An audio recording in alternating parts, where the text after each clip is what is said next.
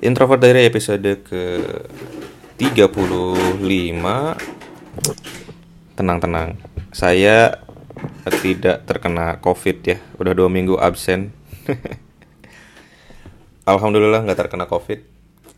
Cuman selama dua minggu itu memang nggak ada yang bisa dibahas aja kawan-kawan. Jadi ah bingung gitu mau ngebahas apa. Mungkin rehat selama dua pekan Eh, bisa membantu. Dan ternyata benar bisa sangat membantu. Karena minggu ini atau minggu kemarin itu banyak hal-hal yang absurd terjadi ya di sosial media atau di Indonesia ini. Um, adanya covid ini membuat perilaku orang-orang jadi aneh. Dari mulai orang yang suka joget-joget di TikTok sekarang makin banyak. Terus yang yang yang apa yang populer itu adalah um, make up yang di apa sih ganti-ganti orang gitu yang diberasnya ke kamerain itu terus banyak lah banyak hal terjadi um, dan itu oke okay, nggak masalah. Orang orang bisa melakukan apa aja ketika uh, ketika tidak ada yang bisa mereka lakukan. Karena ya kasihan juga gitu. Gue tuh ngebayangin ya. Gue tuh ngebayangin kalau orang yang nggak punya kerjaan masih bisa main TikTok nggak ya? Kayak orang-orang yang berhenti ngewarung tukang bangunan yang udah nggak dapat penghasilan lagi gitu. Mereka ngapain ya? Nggak mungkin dong mereka main TikTok gitu kan? Dan dan melihat peluang bisnis dari segi um, teknologi informasi atau online apa ya namanya pekerjaan online gitu tidak mudah bagi mereka-mereka yang sudah terbiasa bekerja offline gitu. Dan gue respect sama orang-orang yang uh, di PHK terus dia jadi supir gitu gue respect banget sama mereka. Uh, yang yang paling utama yang menakutkan dari covid ini adalah pengangguran kelaparan dan keputusasaan gitu yang paling menakutkan itu nah ini juga yang yang gue lihat di minggu-minggu eh, satu minggu kemarin itu adalah teori-teori konspirasi yang yang si JRX atau Jerings ya uh, lakukan. Gue seneng sih ngeliat tweetnya. Itu itu itu sangat menghibur. Tweet tweet teori konspirasi seperti itu sangat menghibur gitu. Dan um, gue gue melihat teori konspirasi ini sebagai padanan uh, ada data-data covid gitu. Karena apa ya gue gue nggak bilang jerings itu salah karena sekarang kan jerings jadi public enemy dibully banyak masyarakat Indonesia. Kalau gue sih enggak ya. Tapi bukan berarti gue mempercayai itu. Nih ini ini gue gue bingung nih. Apakah dengan gue bilang gue pro dengan jerings akan membuat pendengar-pendengar introvert diary ngejudge gue sebagai orang yang bodoh atau orang yang halu gitu? Ah tapi gue yakin lo nggak kayak gitu sih gue yakin pendengar-pendengar introvert diary uh, lebih ke mencari informasi daripada ngejudge orang gitu ya. Nah um, yang yang kita lihat sekarang Jerings ini jadi public enemy gara-gara teori konspirasinya gitu ya. Teori konspirasinya mengejak orang-orang kembali ke jalan apa gitu. Terus uh, jangan takut dengan covid. Banyak orang yang kelaparan meninggal eh banyak orang yang kehilangan pekerjaan banyak orang yang kelaparan terus banyak orang yang sehat-sehat aja jadi sakit gitu. Well orang sehat-sehat aja jadi sakit bisa aja tertular kan. Itu itulah sebabnya ada virus corona ini. Gua gua nggak begitu ngerti juga. Cuman hal yang gue garis bawahi orang bisa jadi sakit gara-gara rasa takut itu iya. Itu sangat itu sangat benar. Karena e, dari awal-awal kan awal-awal penyakit covid ini menyerang ke negara Indonesia kita yang biasanya sehat-sehat terus tiba-tiba gatal-gatal tenggorokan. Padahal itu mungkin biasa di kehidupan kita sehari-hari. Terus agak-agak flu karena ada fear dari covid ini kita jadi demam gitu. Uh, jadi kita tuh untuk me menetralisir penyakit yang ada dalam tubuh kita tuh menjadi lebih lebih sulit gitu kan gara-gara covid ini. Nah kalau kalau gue lihat maksud yang di um, apa isi narasi yang dimaksud oleh Jerings itu adalah itu rasa takutnya yang di yang kenapa dia sangat keras kenapa dia tidak ingin mundur uh, terus kekeh menyampaikan keresahannya dia karena itu yang terjadi di concernnya dia itu itu kelaparan uh, kehilangan pekerjaan, penyakit yang tiba orang sakit yang tiba-tiba jadi banyak yang padahal sebenarnya itu penyakit biasa aja gitu. Nah, itu yang yang yang dia maksud gitu. Jadi, kalau gue sih tidak melihat dia sebagai orang jahat ya. Gue gue tuh pernah nge-tweet uh, yang isinya itu adalah Jerings is a good man. Gue bilang gitu terus ada orang yang bilang, "No, yes he was," katanya gitu. "No, he still," gue bilang tuh. Enggak, dia kayak Ahmad Dhani aja ngomongnya ngelantur. Nah, kenapa orang yang punya niat baik kenapa orang punya niat baik untuk membebaskan negara ini dari uh, dari kehilangan pekerjaan dari dari stres dari depresi dari uh, apa dari overthinking dari rasa takut yang berlebihan kenapa kita menjauhi orang seperti itu gitu. Katanya orang bilang nggak ada yang salah dengan omongannya dia cuman yang salahnya itu adalah dia ngajak-ngajak orang lain katanya gitu. Iya iya wajar dia ngajak-ngajak orang lain karena ini namanya kampanye kan. Ini dia mengkampanyekan apa yang dia percayai gitu. Dia ingin dia tuh peduli gitu. Dia tuh peduli terhadap apa yang terjadi di sekelilingnya dia makanya dia mengajak gitu kan. Gua gua terus terus banyak terus banyak yang ngeblokir banyak yang ngeblokir Instagramnya. Kenapa lo nggak blokir aja seleb tweet seleb tweet yang bikin prank ngasih makan ojol terus apa e, nge, nge, ngerjain ojol terus habis itu dikasih duit. Kenapa lo nggak blokir yang kayak gitu aja? Kenapa lo nggak blokir um, si youtuber youtuber yang kontennya tuh sampah gitu? Kenapa lo nggak blokir mereka aja? Kenapa kenapa harus jering yang diblokir gitu kan. Karena gue gua gua tuh lebih su gue suka melihat tweetnya dia dibandingkan gue melihat drama-drama tweet tweet tweet di twitter soal perselingkuhan soal apa itu. Menurut gue itu tidak terlalu bergizi tapi itu soal soal teori konspirasi yang dia suarakan itu menurut gue sih sangat entertaining ya. Gue tidak tidak mengambil gue tidak mengambil apa yang dia sampaikan mentah-mentah ya tidak menelan mentah-mentah. Gue pun ada hal yang tidak gue setuju gue pun tidak menyetujui sepenuhnya gitu. Tapi apa dia layak untuk diblokir? Dia tuh hanya seseorang yang menyampaikan teori konspirasi doang gitu dan it's okay udah. Walaupun kesannya wah ada yang bilang kayak lu tuh nggak ngehargain dokter-dokter yang udah bekerja keras ya? Banyak lo yang meninggal orang tuh. Dia bukannya tidak menghargai mungkin lu aja yang terlalu sensitif.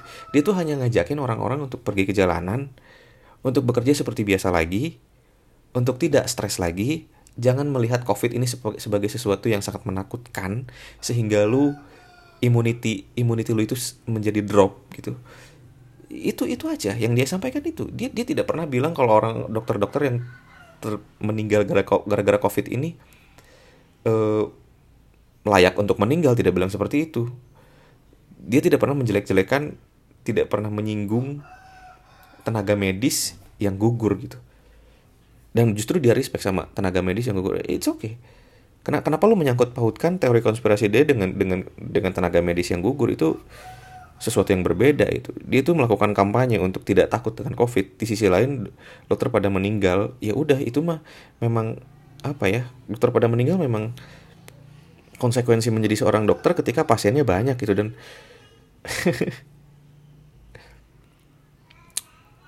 aduh gue tuh sebel banget nih hal-hal kayak gini tuh. Kenapa ya? Kalau gue sih lebih memilih biarkan saja jering bersuara gitu. Tinggal lu aja yang nggak perlu percaya 100% sama omongannya dia. Nggak perlu menelan mentah omongan dia tinggal lu aja gitu. Dan lu kan kalaupun lu mengikuti omongannya dia lu kan bisa membuktikan lu bisa ngasih tahu sama dia kalau gue tuh udah kejalanan ini. Dan ternyata gue kena covid lu tanggung jawab lu kan bisa kayak gitu juga gitu ah dan dan sebenarnya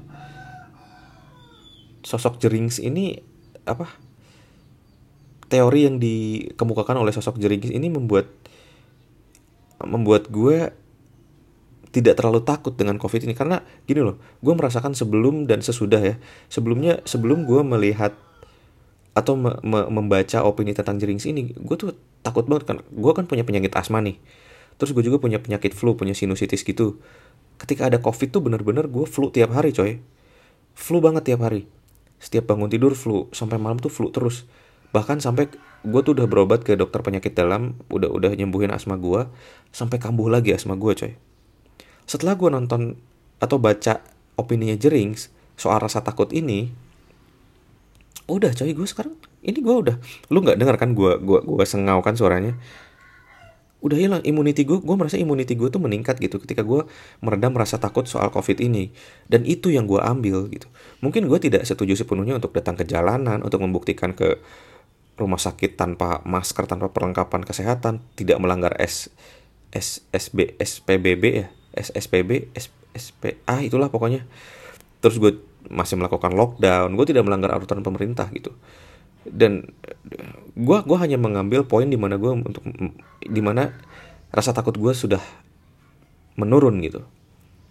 Dan itu merupakan pertanda yang baik gitu. Jadi gue gua sudah merasakan benefitnya dari membaca opini-opini Jerings dan menonton opini-opini Jerings dan itu memberikan impact yang positif buat gue nah ada lagi yang gue setujui soal soal opini yaitu datang ke jalanan bekerja lagi seperti biasa restoran buka-buka lagi itu gue setuju banget kenapa bukan karena gue percaya sama teori konspirasi tapi karena rakyat kita tidak dilindungi oleh pemerintah rakyat Indonesia itu tidak, dilindungi pemerintah jadi gini pemerintah itu meminta kita untuk lockdown membatasi wilayah membatasi interaksi dengan orang lain bekerja di rumah tapi pemerintah tidak melindungi orang-orang yang kena PHK. Mereka kan nggak bisa kerja di rumah.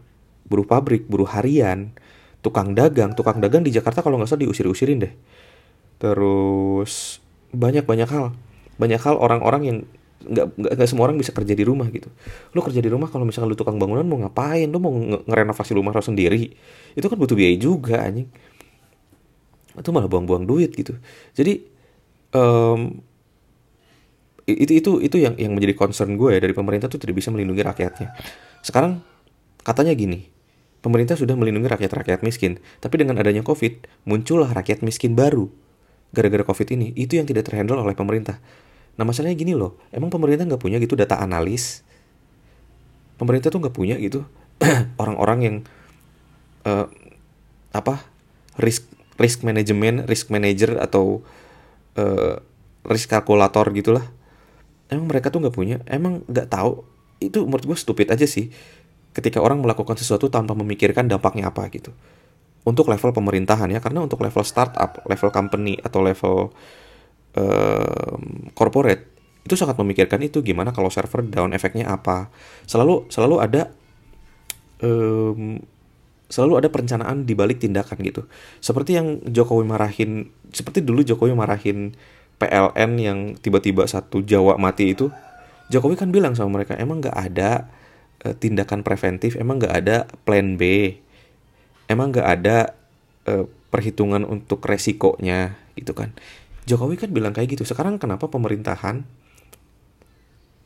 me menginisiatifkan untuk lockdown tapi mereka kewalahan menghadapi uh, apa sih kewalahan menghadapi hasilnya gitu.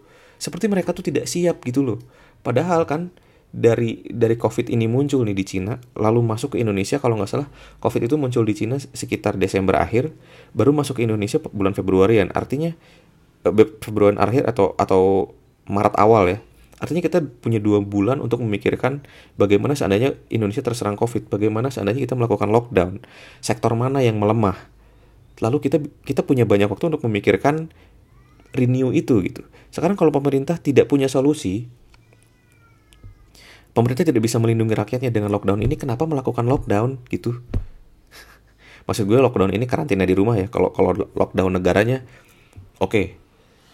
oke okay, nggak masalah kalau lockdown negaranya. Tapi kalau menyuruh karantina di rumah kerja di rumah itu ya kenapa pemerintah harus memerintahkan rakyat Indonesia untuk karantina di rumah sementara mereka tidak tahu resikonya apa gitu? Sementara mereka kecolongan dengan adanya orang miskin baru ini gitu menurut gue sih gak mungkin sih.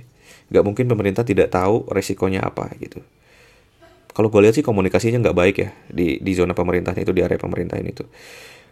Akhirnya gue setuju dengan pendapatnya Jering kalau sekarang tuh lebih baik kita ke jalanan aja kita kerja seperti biasa. Restoran-restoran dibuka tapi lebih hati-hati lebih concern dengan kesehatan gitu. Orang-orang yang di atas umur kayak misalkan punya penyakit komplikasi um, lebih diberikan treatment yang berbeda. Maksudnya kebijakan-kebijakan seperti itu lebih masuk akal gitu. Kayak kalau nggak salah di Taiwan itu tidak melakukan lockdown, terus di Korea juga tidak melakukan lockdown, malah lebih di uh, lebih ditekankan ke rapid testnya punya ya gitulah ya. Sementara di kita meminta meminta karantina tapi tidak ada perlindungan gitu ya gimana ya? Gue sih akan lebih seandainya gue jadi pekerja yang tidak bisa kerja di rumah, gue akan lebih memilih omongannya jering, gue akan lebih memilih keluar rumah aja gitu. Bodoh amat gue ke ketularan covid gitu kan. Gue lebih baik, gue lebih baik survive menghidupi keluarga gue daripada gue menyerah dengan covid pasti gue akan mikir seperti itu gitu karena gimana coy ketika pemerintah menginisiasikan kita, menginisiasikan kita untuk karantina di rumah tapi tidak diberi solusi lain tidak diberi pilihan lain. Artinya kan itu artinya kan itu membunuh kita secara perlahan cuy. Di India tuh ada kasus bunuh diri loh gara-gara ini. Anjis ini ini gila sih. Ini ini ini hal yang kayak gini gila banget sih. Jadi apa yang di bagi gue apa yang dikatakan oleh Jerings itu benar bukan karena teori konspirasinya terlepas dari Bill Gates itu elit global atau um, akan disuntikan microchip ketika vaksinasi nanti terus ada satu persen dari 9 persen yang mengendalikan perekonomian dunia terlepas dari teori konspirasi itu gua sangat setuju dengan pendapatnya Jerings untuk datang kembali ke jalanan membuka kembali usaha kerja lagi panggil lagi orang-orang di PHK tapi dengan lebih hati-hati dengan lebih menjaga kesehatan yaitu dengan menggunakan masker lebih sering cuci tangan uh, gunakan pola tidur apa perbaiki pola tidur terus makan yang bergizi karena gini loh yang lucu ya. pemerintah itu menyarankan kita bukan pemerintah ya, dokter-dokter ya pemerintah juga sih. Mereka tuh menyarankan kita untuk meningkatkan imuniti tubuh, untuk istirahat yang cukup, untuk makan yang bergizi, um, social distancing dan lain-lain gitu. Tapi kita nggak punya duit, coy. Tapi orang-orang yang kehilangan pekerjaannya nggak dikasih apa-apa gitu. Ya gimana? Gimana lu bisa hidup sehat kalau lu nggak punya duit? Gimana lu bisa tidur nyenyak kalau lu nggak punya pekerjaan? Gimana kalau lu nggak gimana lu bisa nggak stres gitu? Dari stres itu lu jadi gampang kena penyakit coy itu kan poinnya. Itu yang itu yang gue ya, itu yang gue bingung sih dari pemerintahan itu. Makanya gue setuju dengan pendapatnya Jerings kita kembali ke jalanan aja kerja aja gitu. Btw btw gue ini gue sering banyak salah ngomong ini gara-gara dua kali dua kali kelewat podcast jadi kemampuan berbicara gue berkurang gitu. Ah dari sini lu boleh setuju atau tidak dengan gue ya? Um, kalau lu nggak setuju lu lu boleh email gue uh, lu boleh menentang opini-opini gue gitu. Gue akan sena sangat senang tanpa ada head speech ya. Gue tuh malas kalau di twitter gue ber berpendapat terus banyak orang-orang yang lu tuh nggak punya otak ya apa ya, ya lu gue nggak punya otak dari mananya. Yang bener dong kalau ngomong gitu. Dasar goblok. Ya goblok di mananya? Gue tuh ingin ber, beradu opini gue tuh ingin berdiskusi gitu. Cuman ya gitu lah jadi kalau misalkan lo punya pendapat lain soal covid ini soal soal pendapat gue ini silahkan email gue di m.irfan.fz@gmail.com um, sebenarnya ada email masuk sih uh, apa gue bacain aja ya. Nanti kita abis abis bacain ini kita lanjut lagi ya kita beropini lagi. Um,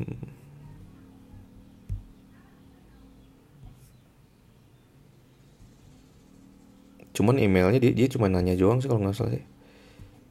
Uh, oke okay, ini nih. Oh bukan bukan. Bukan dari si Grace. Oh ini nih. Gue dapat dapat email dari yang namanya Evita.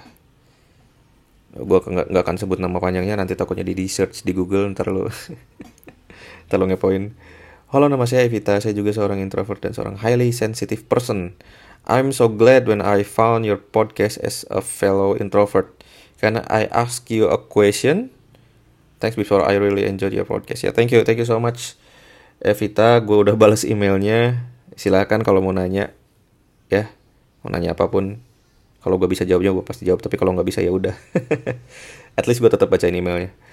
Um, saya juga seorang introvert dengan dan seorang highly sensitive person. It's not good. It's not good to be a highly sensitive person. Kamu harus uh, mengurangi kesensitifan itu. Uh, karena sensitif atau tidak itu pilihan ya, bukan bukan bawaan lahir ya. Lingkungan uh, lingkungan didikan dan pilihan, bukan bawaan dari lahir. Nggak ada nggak ada seorang bayi lahir ke dunia ini eh, atau kayaknya semua bayi lahir ke dunia ini dengan menjadi menjadi sensitif deh kayak ditinggalin orang tuanya nangis. Terus um, misalkan gue sama anakku juga nyanyi nyanyi kencang kencang disangkanya gue marah gitu. Ya bayi itu udah sensitif dari kecil gitu gitu udah sensitif dari, dari kecil. Tapi sensitif atau tidak itu pilihan kita gitu. Jadi sebenarnya ketika lu mendengar omongan orang lain yang agak-agak ofensif lu harus pilih lu harus cari tahu dulu apa yang membuat lu menjadi marah gitu. Kayak misalkan orang ngejekin gua gua kulitnya hitam. Uh, ya udah gua nggak akan marah gitu. Terus ada juga orang yang ngejekin gua broken home. Itu untuk level berikutnya. Gue nggak marah karena itu memang kejadian yang sebenarnya. Tapi kalau ada orang yang ngejek ngejekin orang tua gue orang yang ngejek ngejekin orang yang gue sayang gitu. Kayak misalkan wah ibu lu gini istri lu gini. Itu itu gue pasti sangat marah gitu. Jadi sebenarnya sensitif itu kita bisa memilih. Jangan sensitif untuk berbagai macam hal karena kalau seperti itu lu akan selamanya nggak punya teman. Gini loh problemnya orang introvert itu mereka tuh tidak masalah tidak punya teman ya. Mereka tuh berpikir mereka bisa hidup sendiri. Padahal kenyataannya manusia itu memang benar-benar makhluk sosial. Ini gue tuh sudah tercerahkan ya. Manusia emang benar-benar makhluk sosial gitu. Oke lo bisa membeli semuanya di internet secara online, lo bisa cari pembantu secara online, lo bisa cari teman secara online gitu, lo bisa melakukan semuanya sendirian gitu. Tapi depression itu tidak terasa teman-teman. Stres lo bisa stres itu pilihan lo bisa ambil atau tidak, tapi depression itu deep down lo lo kadang-kadang nggak tahu seberapa depresi diri lo ini jangan ngukur kedepresian lo, oke? Okay? Jangan pernah ngukur kedepresian di di di di situs-situs online. Jangan pernah. Gua tegaskan di sini jangan pernah ngecek mental health lu di internet secara online kecuali lu oh, video call sama psikolog ya. Tapi kayak misalkan situs-situs mental health gitu jangan pernah karena itu akan membuat lu semakin ini ini ini nyambung juga dengan rasa takut yang disebarkan oleh Covid ya Eh, mirip-mirip lah COVID itu menyebarkan rasa takut sehingga immunity kita turun. Nah, mental health itu ketika lu Google dan ikutan mental health check di internet, lalu lu melihat kenyataan yang tidak baik buat diri lu sendiri, akhirnya lu akan semakin depresi, coy. Immunity lu berkurang, semuanya itu akan berkurang, coy. Jadi janganlah. Jangan pernah mental health check secara online di internet. Kalau lu udah pernah, abaikan itu semua kalau lu ingin ingin uh, apa sih namanya ingin kepastian lu hubungin psikolog aja atau psikiater oke okay? Uh, oke okay, thank you Evita. Berikutnya gue tunggu lagi emailnya di m.irfan.fz kembali lagi soal covid tadi. Um, kalau lu ada yang tidak setuju dengan opini gue soal si Jerings ini atau lu sangat kontra dengan Jerings silahkan email gue kalau gue sendiri sih pro ya. Pro dia. Pro dia. Pro jerings. Uh, tapi pro yang smart ya. Bukan pro yang menelan semua semua kata-katanya dia soal teori konspirasi bisa saja itu benar bisa aja itu salah soal Bill Gates mau menyentuhkan chip terus elit global itu bisa bisa saja benar bisa saja salah oke okay? dan gue tuh tidak mau menghabiskan eh, waktu gue untuk memikirin hal yang kayak gitu tapi yang gue ambil adalah poin yang pesan yang yang dia sampaikan gitu yang di mana di Indonesia itu banyak yang kelaparan, banyak yang kehilangan pekerjaan, banyak yang depresi, eh, banyak yang sak tiba-tiba sakit padahal bukan COVID. Terus katanya ada yang kena rapid test. Rapid test itu kan false uh, positif dan false negatif yang artinya uh, 50-50 hasilnya itu 50-50 gitu bisa positif bisa negatif. Dan kalau nggak salah suatu saat pernah ada kasus di mana seorang ibu hamil kena rapid test positif yang dia itu sudah mempersiapkan untuk lahiran secara normal tapi karena dia terdeteksi positif akhirnya dia sesar setelah itu dia dicek swab eh, pengecekan swab bukan rapid test ya pengecekan swab yang ke hidung itu dan ternyata dia negatif artinya dulu tuh seharusnya dia bisa lahiran normal gitu. Nah eh itu ngomongin apa ya? Soal soal itu soal fakta-fakta itu gue sangat mendukung sih. Tapi gue tidak tidak tidak gue masih sekarang masih belum berani datang ke jalanan juga sih. Tapi setidaknya itu inisiatif yang baik melihat kondisi pemerintahan saat ini gitu uh, gue sih ingin semoga teman-teman di sini yang tidak bisa bekerja di rumah yang tidak memiliki penghasilan dengan bekerja di rumah ini ini gue sejujurnya ya pendengar introvert diary ini agak-agak menurun. Mungkin ada beberapa orang yang nggak um, bisa beli kuota untuk dengerin podcast ini ya it's okay man. Uh, semoga uh, semuanya menjadi normal lagi dan dan sepertinya sih setelah bulan puasa kita akan bekerja seperti biasa lagi ya. Karantina ini karantina ini harus berakhir teman-teman. Nah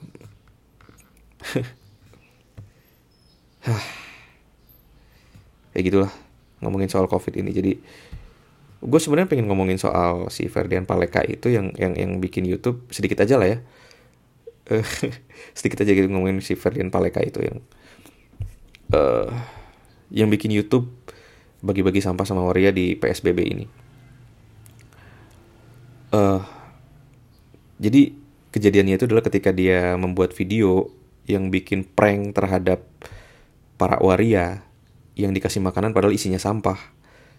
Gue taunya itu dari internet, dari, dari Twitter yang mana ini orang tidak berperi kemanusiaan banget. Kenapa sih ada orang YouTube YouTube sampah apalah segala macam gitu. Hal yang gue pertanyakan, pertama, hal yang gue pertanyakan, apakah netizen sebaik itu? Apakah netizen care dengan waria? Karena gue sendiri iya. Kalau sejujurnya nih ya, gue sendiri melihat YouTube itu, konten YouTube itu, iya nyebelin, annoying, kontennya tidak lucu sama sekali. Tapi gue tidak tidak peduli dengan waria coy. Gue gue tidak peduli dengan dengan yang menimpa waria itu. Gitu. Annoying iya. Hmm, bahkan gue tidak tidak berpikir itu tidak berperi kemanusiaan sih. It's just a kid. They, they are just a kid gitu. Mereka tuh hanya mencari jati diri mereka sendiri. Mereka tuh hanya mencari duit untuk uh, menambah subscribe gitu. Ya wajar karena masih bocah pola pikirnya liar gitu kan.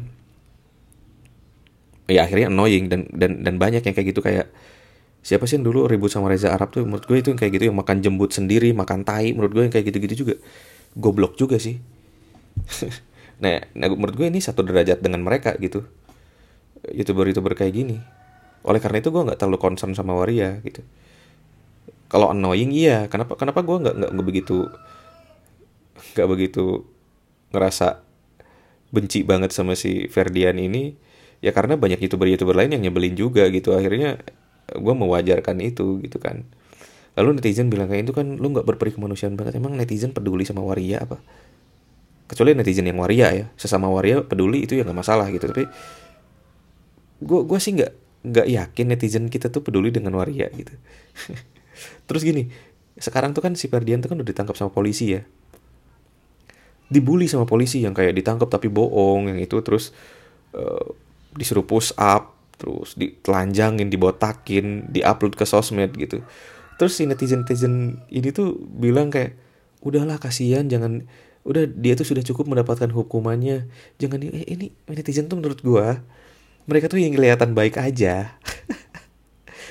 Gue sepertinya melihat netizen netizen itu mereka tuh mengomentari kayaknya ya mereka tuh mengomentari kesampahan Ferdian Pelaka tidak tidak tidak berperi kemanusiaan apa segala macam. Mungkin di tetangganya dia ada yang kelaparan dan dia nggak peduli tapi dia lebih peduli dengan menjadi terlihat baik di mata orang lain. Gue nggak tahu itu. Gue nggak tahu itu coy. Kalau gue sih ya kalau gue emang beneran orang baik ngelihat ngelihat video Ferdian Pela, Paleka Paleka Paleka Pelaka sih. Melihat video Ferdian itu udah gue nggak peduli. Gue lebih peduli sama tetangga tetangga gue yang kelaparan. Teman-teman gue yang nggak bisa makan gitu. Gojek gojek yang nganterin ke rumah yang nggak dapet tip yang nggak dapet penghasilan lebih gitu. Gue lebih peduli ke situ oleh karena itu gue nggak terlalu bersuara juga di internet. Gue malahan bersuara soal netizen netizen yang labil ini. Lagian gini loh gue respect sama Ferdian. Terlepas dari sip iya gini loh konten dia tidak berperi kemanusiaan iya. Kita lepas atribut warianya. Seandainya dia memberikan uh, dus makanan yang berisi sampah itu ke yatim piatu itu kan sangat tidak berperi kemanusiaan kan? Menurut menurut gue semua manusia itu derajatnya sama oke? Okay? kalau dibilang tidak berperi kemanusiaan iya. Tapi yang gue respect sama dia itu adalah dia tuh songongnya total coy. Dia tuh udah didatengin sama orang-orang XTC di Bandung. Didatengin sama warga masyarakat Bandung untuk nangkepin dia.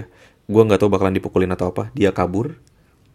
Pas mau per pergi ke Palembang kepergok sama polisi ditangkap nggak sebelum kepergok sama polisi dia sempat nge-upload eh ngupload story kalau uh, kalau kalau follower gue tumba eh, kalau follower gue tembus 70 ribu gue akan menyerahkan diri ke polisi. Kalau nggak nggak salah kayak gitu ya. Itu itu menurut gue totalitas sih. Songong yang total sih. Abis gitu dia upload video lagi saya minta maaf tapi bohong. Anjir itu totalitas coy. Total gue respect sama keberanian dia gue respect sama um, nyalinya dia kesongongan dia gue respect banget. Antara antara punya nyali yang besar atau bodoh aja sih gue bingung ya. Tapi tapi terlepas dari itu apa yang dilakukan membuat gue respect di tengah-tengah di mana banyak youtuber yang membuat kesalahan kesalahan kesalahan kesalahan minta maaf. Bikin klarifikasi buat narik subscriber. Abis itu dimaafkan bikin video kayak gitu lagi minta maaf lagi. Yang akhirnya ini kebodohan yang terulang-ulang kesampahan yang terulang-ulang. Tapi yang terjadi dengan si Ferdian itu dia tuh makin songong coy. Yang akhirnya ditangkap polisi dan mungkin ini memberikan efek jerah sama dia. Terlepas dia akan menjadi orang baik atau makin jahat di depannya ini merupakan hal yang besar bagi dia gitu. Yang gue pikir sepertinya dia akan berhenti bikin konten-konten kayak gitu ya. Dibandingkan youtuber yang bikin konten sampah minta maaf bikin konten sampah lagi minta maaf bikin sampah lagi gitu respect sih sama si Ferdian ini gitu. Dan sekarang lo tau nggak viewers dia di YouTube udah nyampe satu juta coy. Gue nggak yakin dia bakal dipenjara bakal dipenjara 12 tahun sih. Dia balik ke Indonesia udah jadi jutawan coy. Udah dimonetize YouTube-nya coy.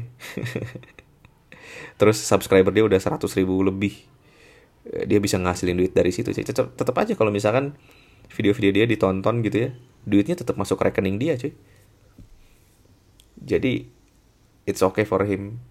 Ya semoga ya gue sih nggak mau seperti malaikat sih semoga dia memiliki efek jerah apa sih selama dia nggak merugikan gue dan anak gue dan keluarga gue ya it's okay. Lanjutin aja lo lo bikin prank-prank sampah gitu lanjutin aja. Lo nggak perlu gue nggak begitu peduli juga gitu. Tapi kalau itu menimpa gue gue akan uh, menuntut lo oke. Okay. apa ya yang belum tersampaikan ya? Gue tuh uh, udah sih kayaknya udah tersampaikan semua. Um, minggu depan juga gue akan rekaman lagi jangan khawatir teman-teman ini akan selalu selalu muncul di hari publish di hari Senin jam 11 sekarang agak telat dikit karena gue baru bisa rekaman jam setengah setengah sepuluh eh, jam jam se, setengah sebelasan. Uh, justru kalau bulan puasa gini gue lebih ekstra jagain anak ya karena gue nggak kerja di kantor.